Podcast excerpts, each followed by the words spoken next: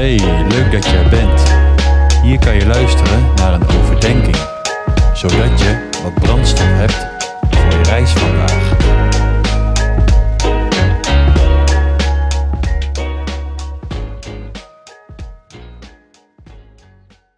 Hey, welkom bij Brandstof, aflevering 27.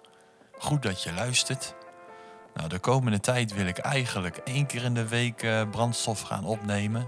En laten we dat dan lekker op woensdag houden, want dan breekt zo lekker de week. Nou, voor nu wil ik het eh, met je hebben over Jozef. Want nadat zijn broers Jozef als slaaf hadden verkocht, kwam hij bij een Egyptenaar met de naam Potifar terecht, die Jozef de verantwoordelijkheid gaf over zijn hele huis. Mensen begonnen hem op te merken en ook mevrouw Potifar liet haar oog op hem vallen.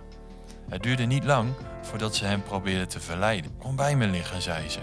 Jozef had het gemakkelijk kunnen rechtvaardigen.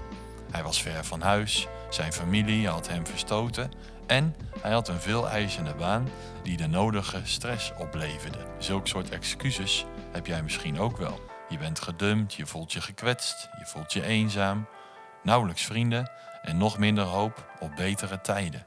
Maar dan krijg je een sms'je van een jongen of een meisje dat je kent. Laten we vanavond afspreken.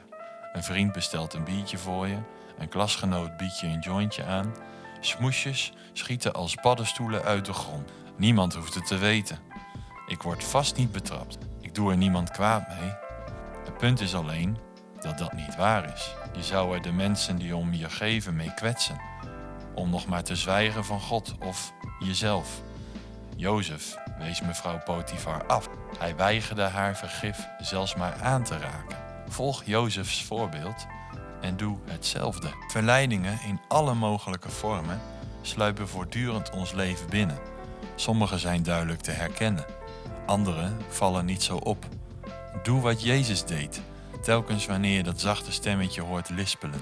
Vul je gedachten met teksten uit de Bijbel of volg gewoon het advies uit Spreuken 3, vers 7, zoals vertaald in de message: Vlucht naar God.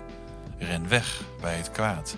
Verleidingen kunnen je geen kwaad doen als ze je niet te pakken kunnen krijgen. Dit was de overdenking voor deze week. Tot volgende week.